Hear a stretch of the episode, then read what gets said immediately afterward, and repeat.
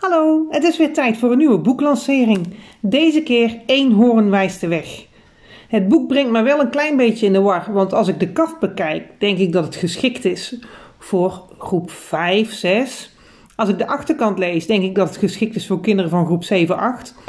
En als ik dan ook nog de binnenkant open doe, blijkt het een stripverhaal te zijn. Dus het is echt anders dan ik zelf dacht.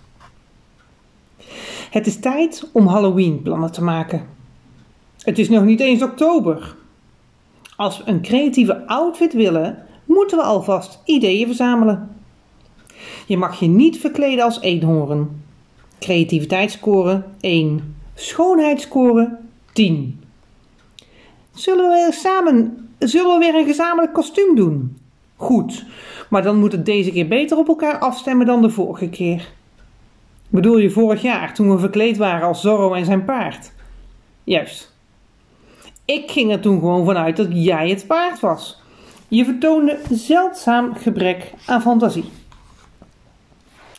Ik heb een te gek kostuumplan.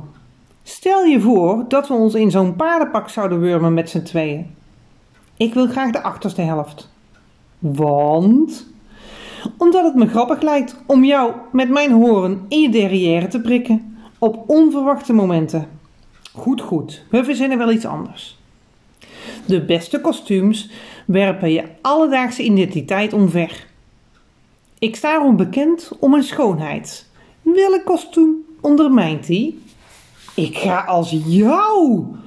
Wacht even. Wil je als mij gaan met Halloween? Ja. Hoezo? Om je beter te begrijpen. Je bent mijn vriendin en ik hoop je zo beter te leren kennen dan moet je me wel dat fluitende geluid met je neus leren. Ik vraag me af of dat aan te leren valt. Als jij je verkleedt als mij met Halloween, mag ik dan als jou? Denk je dat je die uitdaging aan kunt? Ik ken je beter dan wie dan ook.